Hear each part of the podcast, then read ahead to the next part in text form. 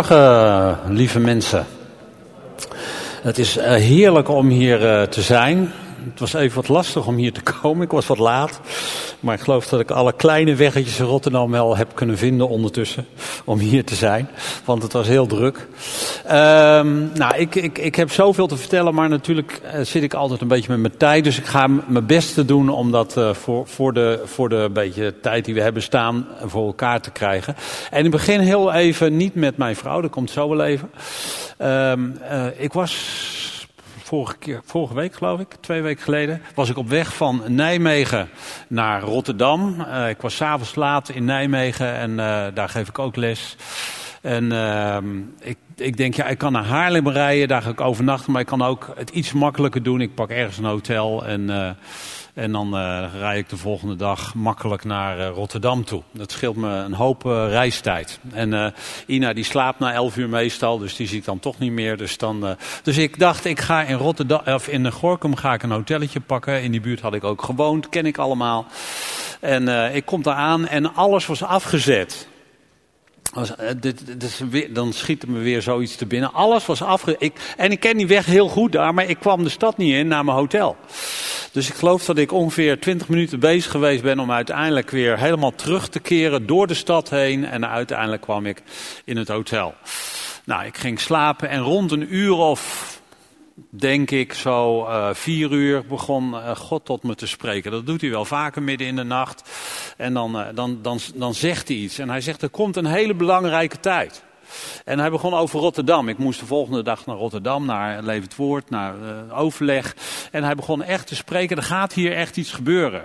En ik wil dat je, dat je uh, bent. Het woord focus bleef maar terugkomen. Je moet, je, je moet duidelijk je focus hebben, Piet. Je moet niet overal, hè, ik weet niet of jullie dat ook hebben in je leven. Je doet van allerlei dingen, maar dan doe je het maar een klein beetje. Maar hij zei focus, focus op één ding. En dat, en dat is het Koninkrijk van God. Daar ga ik het vanmorgen over hebben. Het Koninkrijk van God in Rotterdam.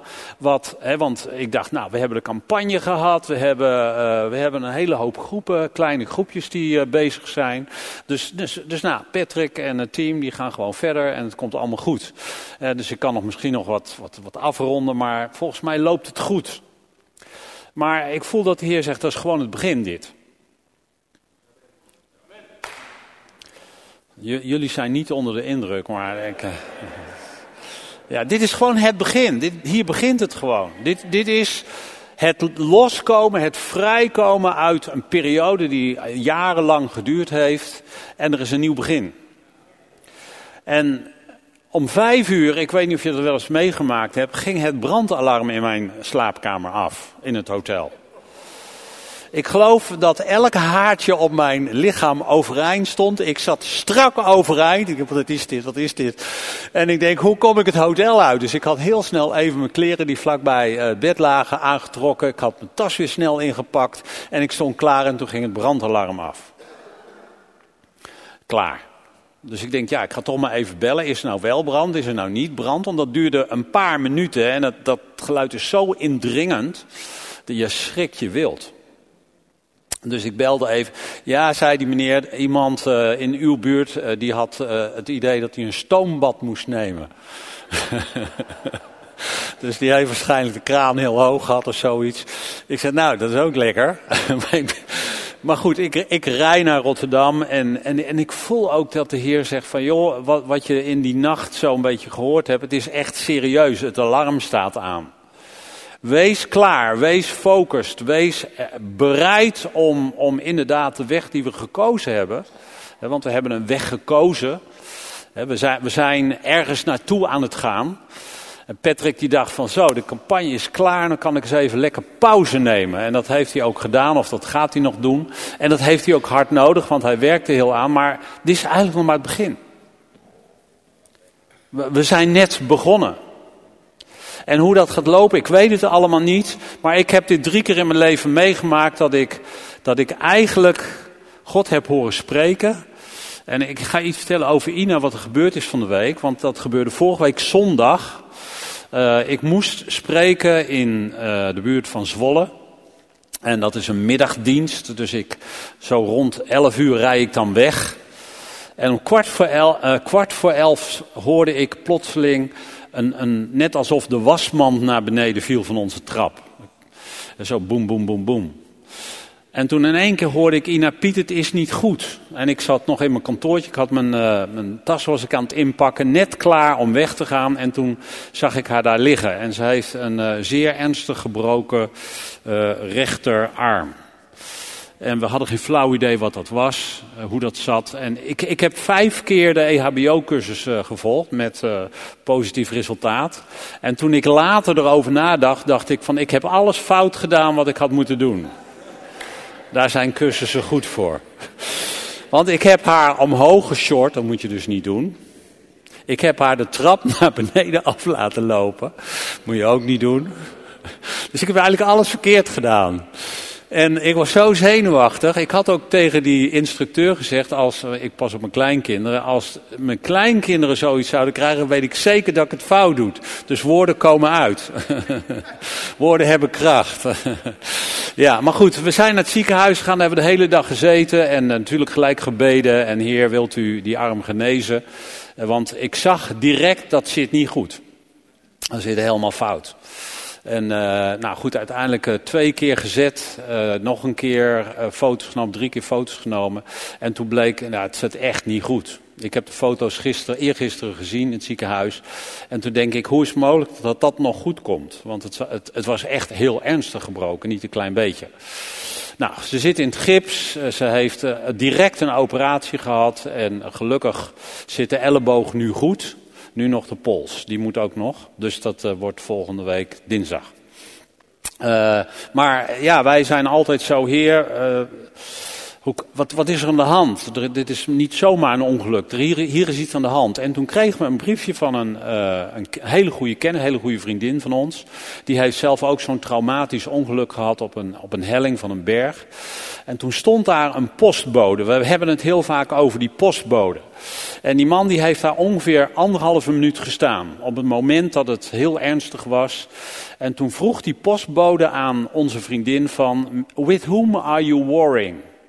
Met wie ben je aan het strijden? En uh, onze vriendin had het idee dat ze dat tijdens wij uh, dat verblijf in het ziekenhuis, schreef ze dat in een appje aan mij van, ik moest zo sterk aan onze postbode, waar we het vaak over hebben, we denken dat het een engel geweest is, die, die vroeg aan onze vriendin, met wie ben jij aan het strijden? En terwijl ze dat zegt, moest ik denken aan de eerste keer dat God tegen mij sprak uh, dat ik ongeveer zijn stem kon horen. Ik weet niet of je dat wel eens meegemaakt hebt, maar dan heb je het idee, ik hoor denk ik Gods stem. En dan bedoel ik, uh, uh, dus met je oor. Dus niet van binnen, maar dat je hem echt eigenlijk hoort spreken. En dat was een moment, zo ongeveer 25 jaar geleden, toen uh, was ik aan het verven. En uh, wij hebben één kamer met hele hoge muren. En die zijn hoger dan 2,5 meter, dus daar kun je met een gewone trap niet bij. Dus ik moest de vlieso-trap even losmaken en dan tegen die muren aanzetten. Maar ja, daarvoor moest ik, dat lukte allemaal niet, dus ik moest 2,5 meter hoog op een, op een, op een plateautje. En daar drukte ik die trap van de muren af, want hij bleef maar vastzitten. Ik jengelde, dat lukte niet en toen gaf ik hem een klap. En eindelijk was hij los. Alleen, hij viel naar beneden en ik ook. Dus ik viel 2,5 meter naar beneden. En ik weet nog, en we hebben dat helemaal samen besproken, Ina en ik. Het is praktisch hetzelfde wat er gebeurd is met haar toen zij van de trap viel. Terwijl ik naar beneden viel, probeerde ik me omhoog te trekken, want mijn hoofd ging naar beneden. Dat is natuurlijk heel slecht om op je hoofd te komen. Hoorde ik en zag ik mijn levensverhaal. Dat zie je wel eens in die kerstfilms. Hè? Dan gaat er iemand bijna dood en dan, zie je allemaal van die, van die fotootjes van het leven die voorbij passeren. En, en dat heb ik letterlijk meegemaakt. En, en ik zag de geboorte van mijn kinderen, het huwelijk, allemaal mooie dingen zag ik voorbij komen. En toen hoorde ik God zeggen, deze val zal niet ten dode leiden, want ik heb nog een opdracht voor je in Iran. Maar goed, ik ging dus naar beneden en dan gaat natuurlijk in, in een fractie van een seconde ben je beneden. Maar die trap die ik loswrikte, die viel uh, op zijn kant, dus in een zet. Dus hij stond omhoog. En daar viel ik bovenop met mijn rug. En ik, en ik dacht, daar gaat hij. Dit is het einde. Maar ik wist dat God sprak, dit is niet tot het eind. Je zal hier niet aan sterven. Nou, ik weet niet wat ik allemaal gevoeld heb. Ik ben uiteindelijk 14 dagen later weer helemaal uh, redelijk gezond verder gegaan met het leven. Maar het heeft heel veel pijn gedaan. En dat zag ik bij Ina ook. En wij, wij zeiden allebei van, met, with whom are you warring?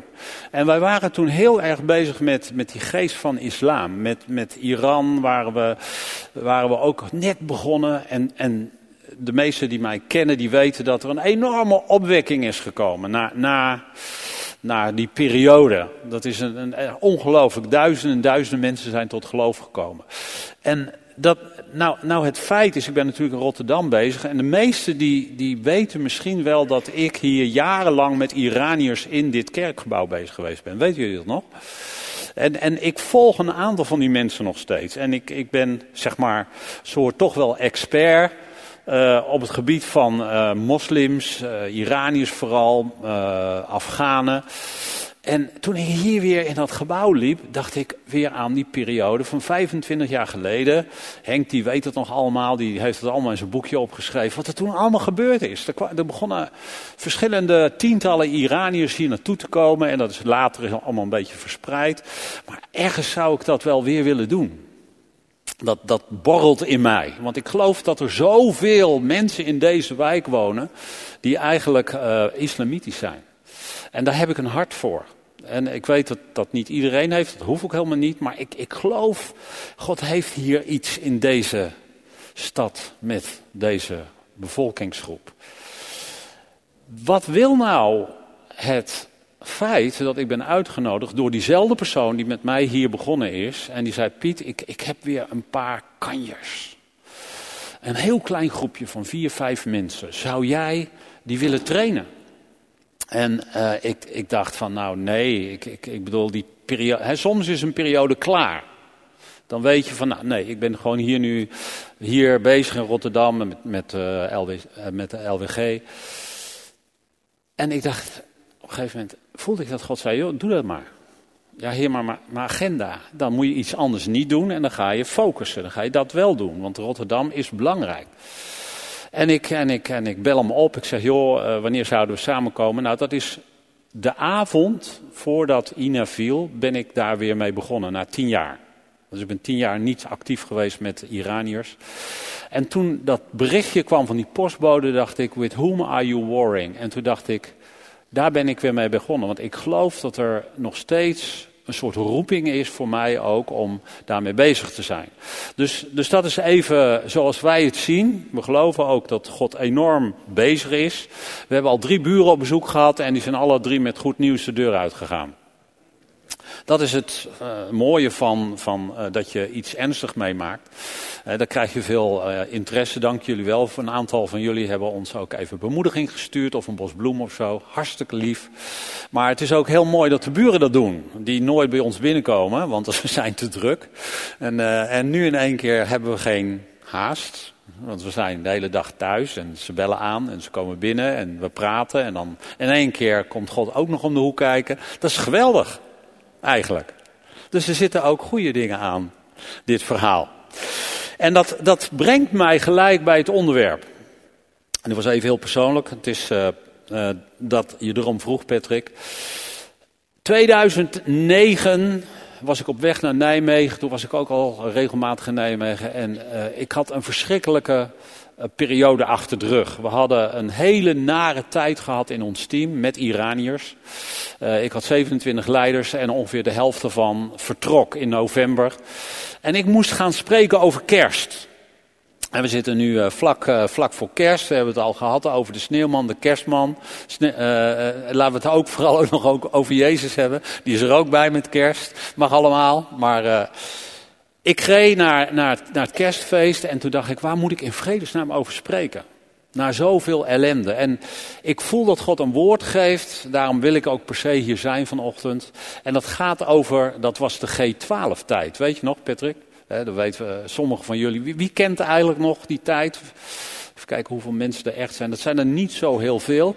Maar dat heeft een enorme stempel op deze kerk gedrukt. En dat, daar, is, daar is een hele intensieve tijd geweest. En wij geloofden, en dat geloven we misschien nog wel, hè, dat, dat, dat het getal 12, dat was eigenlijk heel belangrijk. Want daar zat autoriteit en macht over een gebied. En uh, dat kwam helemaal uit Colombia naar Nederland overgewaaid. En, en je had dan een groep met twaalf. daar, daar gingen we voor. Dat hebben we hier ook gedaan in de kerk. En dat deed ik toen ook met de Iraniërs. Maar elke keer als ik twaalf had, ging er weer eentje weg. Dat was, dat was het vervelende. Maar in die periode ging dat helemaal eigenlijk stuk. En, en ik, ik reed naar Nijmegen en ik, ik geloof dat ik het één keer in een preek hier zelfs verteld heb. En ik reed de, de, de grens van Nijmegen binnen. En toen begon God tot mij te spreken. En toen zei hij, Piet, wat was er op de aarde toen ik werd geboren? Oorlog. De Romeinen vochten met de Joden en overheersten de Joden. Het was een hele nare tijd. In die tijd kwam ik, zei, zei Jezus tegen mij. Klopt. Wat is er gebeurd toen ik wegging? Nou, eigenlijk niks. Er was nog steeds oorlog, toch? De Romeinen waren daar nog. De Romeinen zijn niet verdwenen. En toen vroeg hij mij, waarom was er dan het kerstfeest? Waarom was er dan het paasfeest? Dat was, dat was een lastige vraag. En ik had nog maar een paar minuten voordat ik die kerkdienst binnen zou lopen en dan moest ik een preek hebben. Ik had wel een keurig briefje bij me, stond van alles op, maar daar zat mijn hart niet. Dat zou gewoon puur oplezen zijn. En ik preek graag met mijn hart, praktisch. En, en ik, ik, ik zat te worstelen, heer, wat wilt u tegen me zeggen? Wat is er? En toen zei de Heer, wat er is veranderd met kerst en met Pasen is dat ik nu in je hart ben. Het koninkrijk van God is nu in jou, Piet. De wereld is nog hetzelfde, maar jij bent veranderd. De wereld is nog hetzelfde, maar het moment dat Jezus, dan komt hij, niet alleen je redder is, maar ook je koning, dan gaat de wereld veranderen. Dus de wereld blijft wel hetzelfde, maar omdat jij in die wereld woont, verander jij, want het koninkrijk van God is niet alleen meer in de hemel en straks, maar het koninkrijk van God is nu vandaag. In jou. En niet alleen het koninkrijk van God, zeg maar, is in jou. Maar de koning zelf woont in jou. Ik ben altijd wel een soort gelover geweest. En Jezus was voor mij altijd wel de opgestane Heer. Maar dat was heel ver weg. En het was vooral mijn redder. Hij heeft mij gered. Ik ben bevrijd van mijn zonde. Ondanks dat ik nog wel eens een keer iets doe wat niet helemaal klopt. Maar dan is hij nog steeds mijn redder. En ik weet, oh, ik ga naar de hemel. Dat was mijn ideaal. Ik had zo'n schuldenlast dat ik dacht van ja, kan ik ooit naar de hemel? En, en ik denk dat heel veel van het christelijk geloof, wat toen de tijd ook gepredikt is, daarom ging. Gered worden. En hoe meer ik erover nadenk, hoe meer ik denk van wat is dat een klein stukje van datgene wat eigenlijk echt gebeurd is.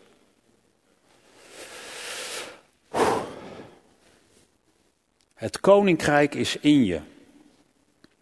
Uh, Marcus 1, vers 15. Hele korte tekst. Ik lees twee korte teksten. Dit was het, dit was wat hij, Jezus, zei. De tijd is aangebroken, het koninkrijk van God is nabij. Kom tot inkeer en hecht geloof aan dit goede nieuws. Het koninkrijk van God is nabij. Dat is goed nieuws. We gaan ook even naar Handelingen. Handelingen 1. Ik heb deze tekst zo vaak geprobeerd nog eens een keer goed te lezen. Want dit was dus na het moment dat Jezus was opgestaan uit de dood en hij was weer bij de discipelen. En dan zegt hij dit. In mijn eerste boek, Theophilus, heb ik de daden en het onderricht van Jezus beschreven. Dat gaat over het boek Lucas. Vanaf het begin tot aan de dag waarop hij in de hemel werd opgenomen. Dat was dus na zijn dood en opstanding. Nadat hij de apostelen, die hij door de Heilige Geest had uitgekozen, had gezegd wat hun opdracht was. Focus. Na zijn lijden en dood heeft hij hun herhaaldelijk bewezen dat hij leefde. Gedurende veertig dagen is hij in hun midden verschenen. Dat was dus nadat hij naar de hemel was gegaan. En dan staat er dit. En sprak hij met hen over het koninkrijk van God. Nou, ik, ik heb geleerd dat als mensen tot het, tot, tot het sterven komen, dan gaan ze vaak nog iets heel belangrijks zeggen, net voordat ze doodgaan. Toch? Daar worden hele belangrijke zinnen gezegd die tot in de eeuwigheid voort blijven bestaan. We, hebben die boekjes ook. Belangrijke mensen hebben dit gezegd, net voordat ze stierven. Nou, Jezus had ook zo'n belangrijk onderwerp. En dat onderwerp was het koninkrijk van God. En natuurlijk heb ik dat wel eens in de Bijbel gelezen, alleen wist ik niet dat eigenlijk het hele Nieuwe Testament daarover gaat. Over Jezus, de koning en het koninkrijk dat komt op aarde, dat dat dichtbij gekomen is, dat dat nu in ons woont en dat waar wij zijn, dat koninkrijk dus ook is. Nou zou je zeggen, als je naar de wereld om je heen kijkt, van hmm, valt wel tegen.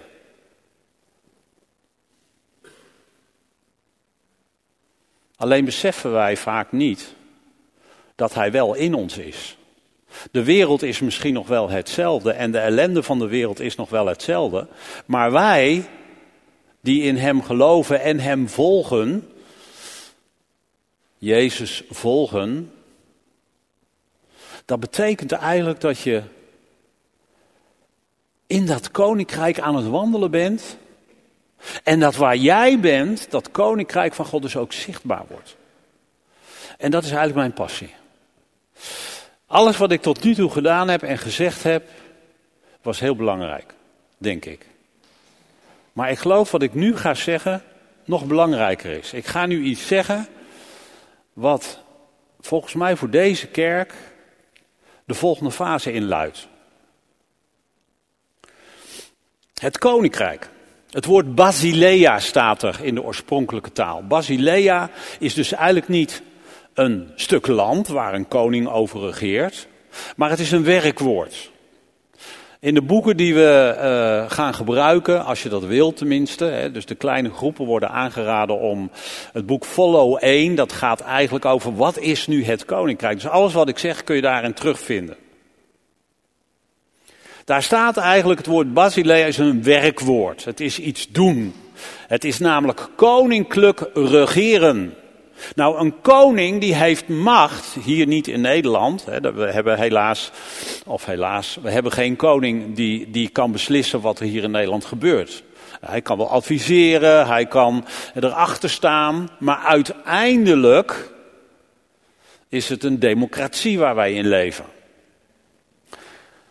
Maar in een land waar de koning heerst, dat is een heel naar woord bij ons in onze taal.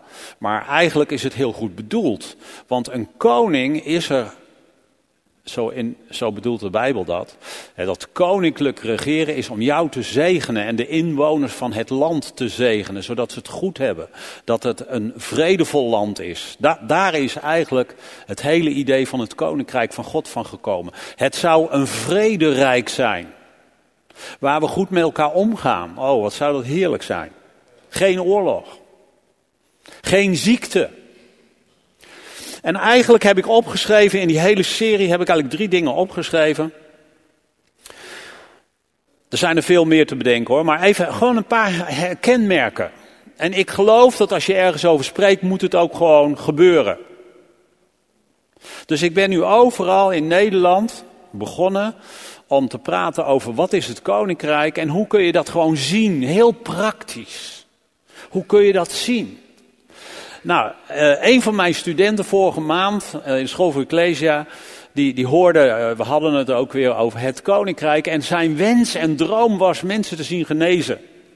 Nou, dat hoort gewoon bij het koninkrijk van God. Jezus zei, het koninkrijk is dichtbij gekomen, wat zie je dan? Mensen genezen. Dus hij dacht, nou, laat ik eens een keer voor iemand bidden. Nou, dat was gelijk wel een heel ernstige ziekte, want die man was gediagnosticeerd als met kanker. Had niet lang meer te leven. Een maand, of, sorry, een maand, een week later wordt hij opgebeld. Hij zegt, ik ben bij mijn arts geweest. Ze kunnen helemaal niks meer vinden. Deze, deze student had helemaal niks gezien. Er gebeurde helemaal niks toen hij bad. Hij ging ook teleurgesteld naar huis. Maar een week later is de man compleet gezond verklaard. Ik weet, en ik worstel daar heel mee, ik bid voor heel veel mensen die ziek zijn, maar ik zie helaas niet zo heel veel doorbraken daarin. Ik zou dat veel meer willen zien, ik zie het wel. Stapjes, beetjes, ik heb voor mijn vrouw gebeden, die is ook niet genezen. Dat zou ik wel willen, maar ik geef niet op. Ik geloof dat er een, zeg maar, een vermenigvuldiging komt en ik zie ook dat God juist in bepaalde periodes op bepaalde plekken veel krachtiger werkt. Ik weet nog toen ik in Iran en Afghanistan was, ja echt elke dag gebeurden daar wonderen.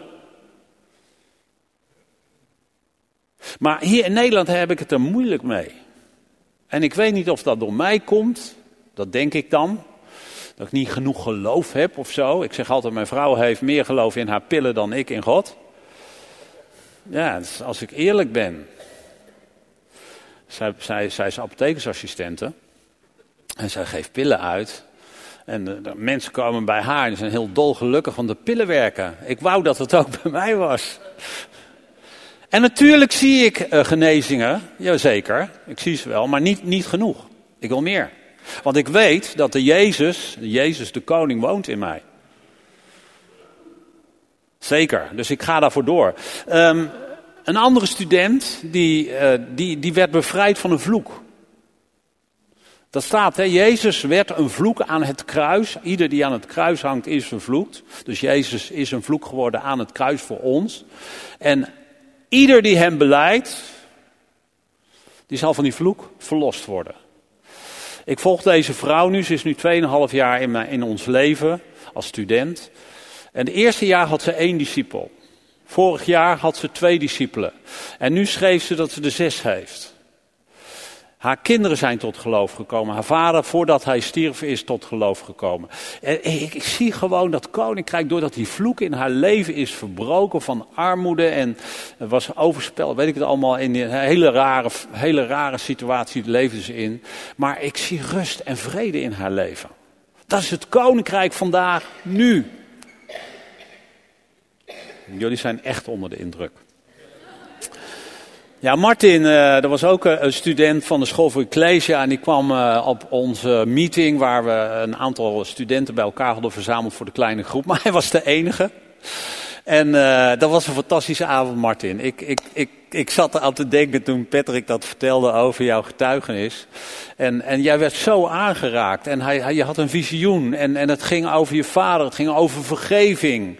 En over zelfvergeven zijn toch, hè? Ja, hij knikt heel hard, ja.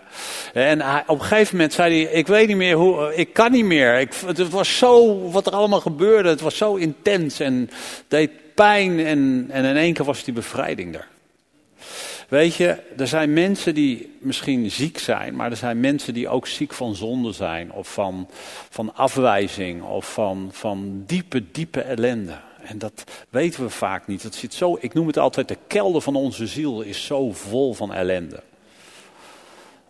Maar als Jezus daar komt, en ik, zie dat vaak. Dan zie ik Jezus in die kelder van de ziel komen. En dan heeft hij ook bij mij gedaan. En dan haalt hij troep daar weg. Hij, hij ruimt het op en, en je wordt vrij. Dat is het koninkrijk. Ik praat nu maar even over drie dingen. Ik zal het nog niet hebben over doden opwekken. Daar hou ik ook van om over te spreken. Maar dat doe ik vandaag even niet. Maar dat hoort erbij.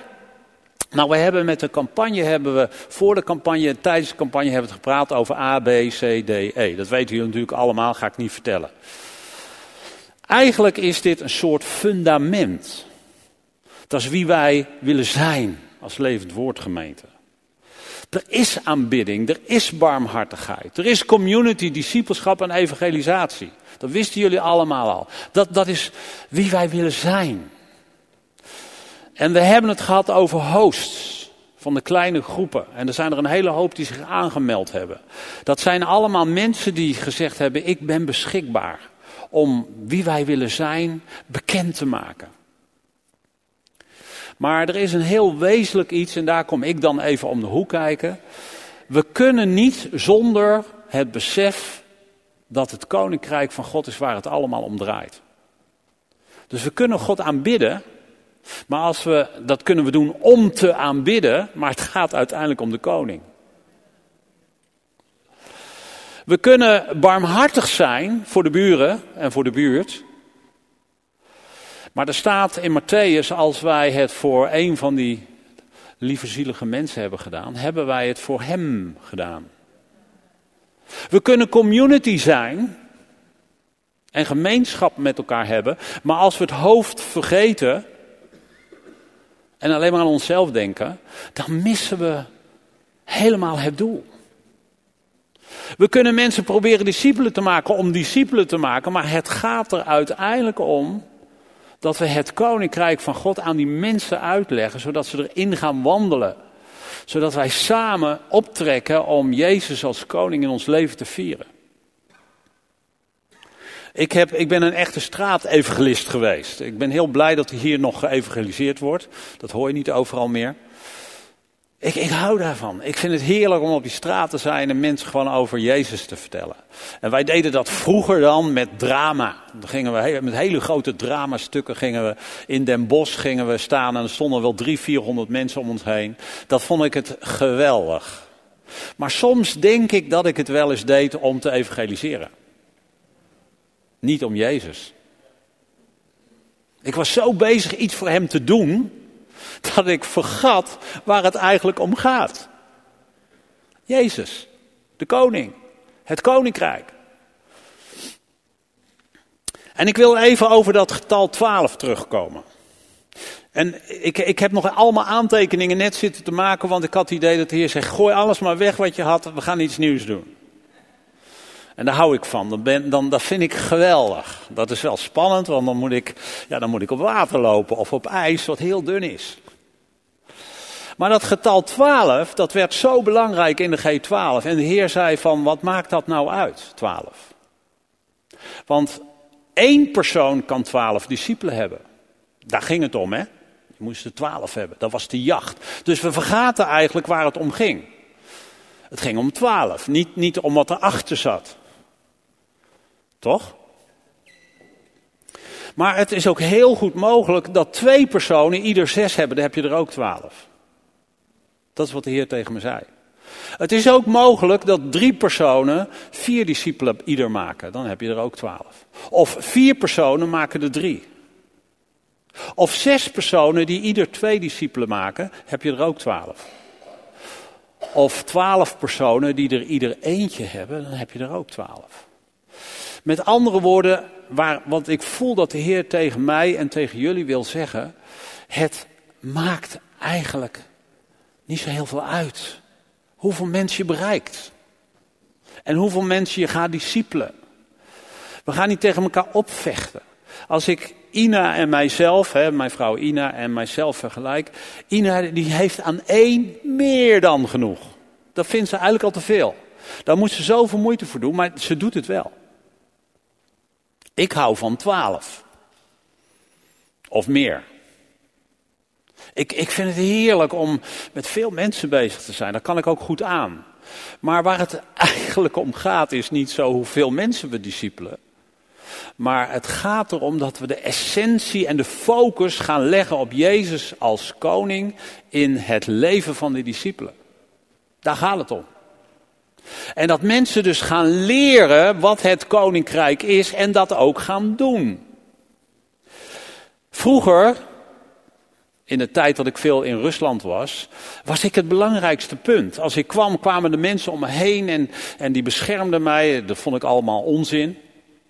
Want er waren duizenden mensen en sommigen wilden mij aanraken. En, en ik vond het allemaal onzin. Maar het ging wel om mij. Als ik er was, gebeurde er iets. En ik werd het helemaal ziek. Ik ben er ook ziek van geworden. Want daar gaat het niet om in het leven. Het gaat erom dat ik iemand vertel dat Jezus de koning is die in hen komt wonen. En dat jij dan dus de kracht hebt als die in jou komt om hetzelfde te doen als wat ik kan, kan doen. Daar gaat het eigenlijk om. Want het, ja, dank je. hey, dat is een goede, eindelijke reactie. ik heb iets goed gezegd, Patrick. Maar dit is een sleutel voor jou. Dat wat hier op het podium gebeurt, eigenlijk doe ik het alweer verkeerd. Ik sta weer op een podium en ik vertel jullie wat je moet doen. Maar jullie moeten het gaan doen. Jezus in jou doet het. Jezus in mij doet het. En natuurlijk is het goed dat we leraren hebben die vertellen hoe het allemaal kan. Dat weet ik, maar uiteindelijk gaat het erom dat je het zelf gelooft. En ik weet nog toen ik van die trap viel en God zei Iran, toen dacht ik, het is onmogelijk. Hoe, hoe, kom, hoe komt u erbij, Heer, om zo'n mannetje als ik naar Iran te sturen? Wie, wie, wie ben ik eigenlijk? Ik sta hier nu wel heel vrij op dat podium van alles te roepen en te vertellen, maar, maar zeker in die tijd dacht ik zo slecht over mezelf. Ik ben echt niet anders als jullie. Jelly, weet je nog? dat jij gewoon zei van ja, dat kan ik helemaal niet. Weet je het nog? En... Kijk! Nou, dit, dit, dit, dat, ik, ik, kun je heel kort vertellen wie die meneer is? Kijk eens Patrick, ze gaat vooruit. Eén van haar discipelen. ik, ik ga even, even de gemeente. We zijn met school van Ecclesia zijn begonnen. En jij zei van nou, ik weet niet of voor mij dat lukt. Je komt bij een vriendin, je ziet een rode bank. En je dacht, dit is de Heer. Daar ga ik mee beginnen. En die vriendin had een vriendin. En een van die vriendinnen die had een man die nog niet gelovig was. En jullie doen nu samen de kleine groep. Ja. En nu is die man tot geloof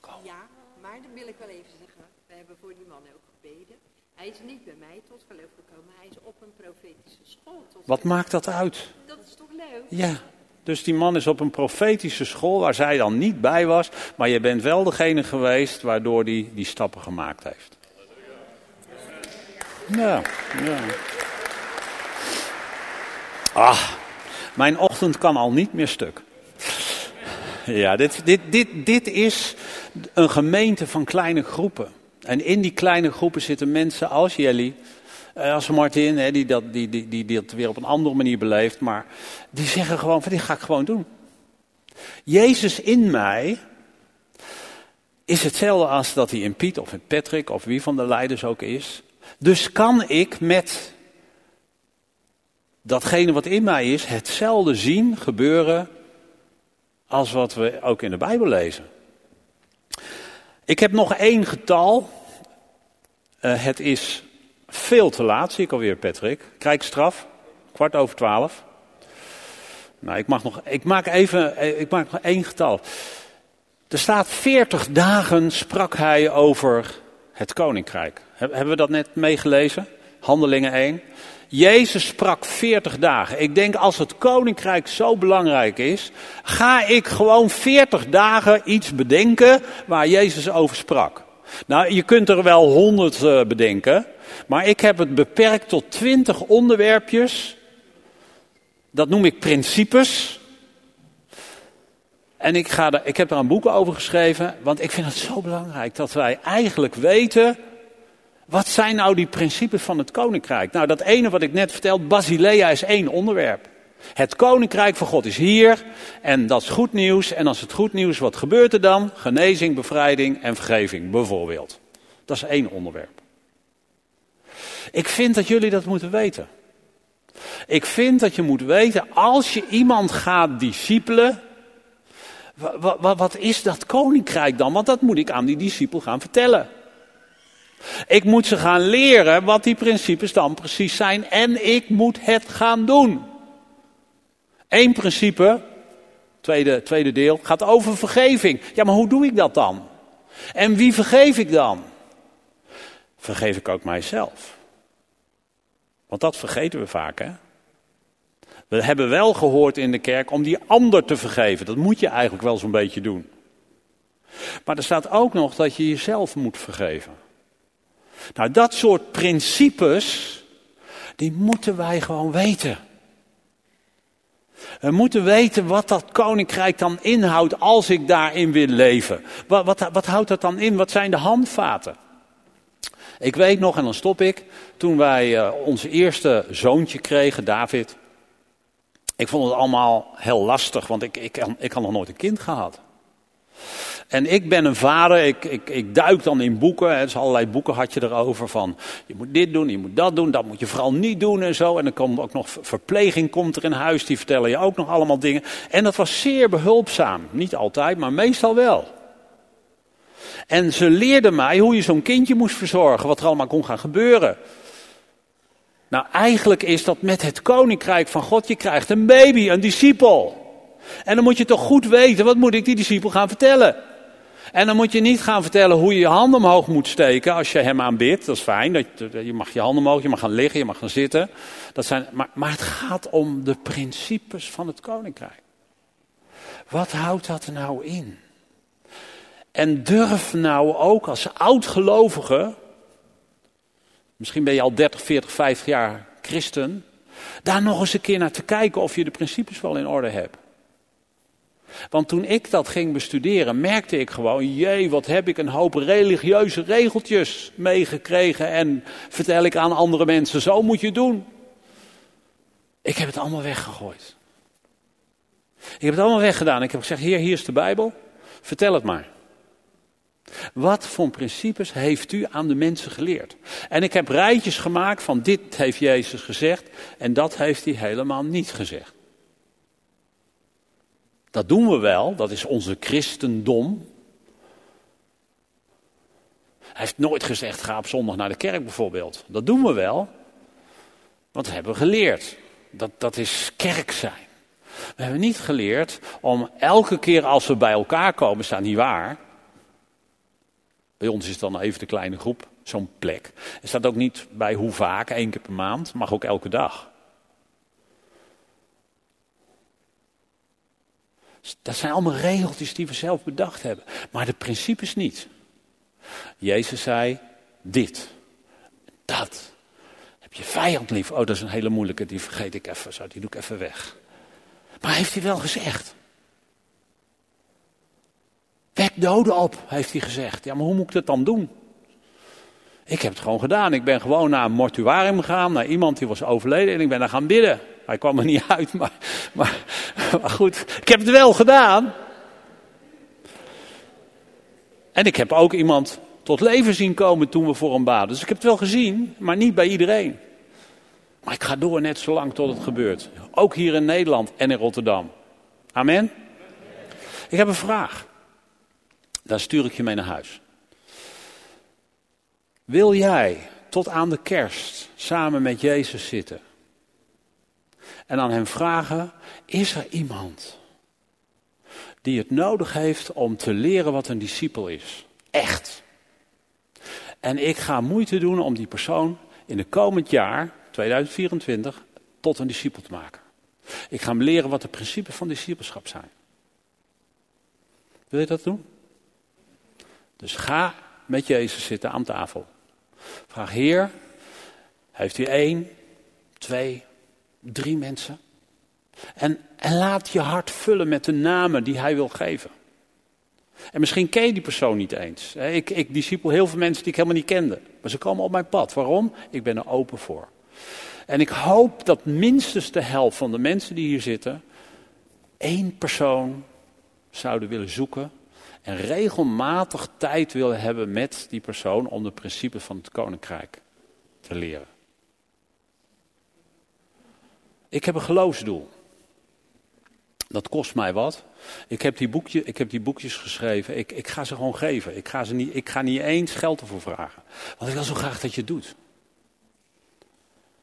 Ik wil zo graag dat jij nu door de geest proeft Heer, al is het er maar één. Al is het er maar één. Maar ik wil iemand leren, en het liefst iemand die nog niet in deze zaal zit, wat een discipel is. En ik heb geleerd doordat ik dat boekje ging schrijven, dat ik zelf een veel betere discipel werd. Want doordat ik het vertel aan die ander, word ik een betere discipel. Eigenlijk is het een dubbele winst. Ik weet beter wat die principes zijn. Want ik, ik moet het uitleggen.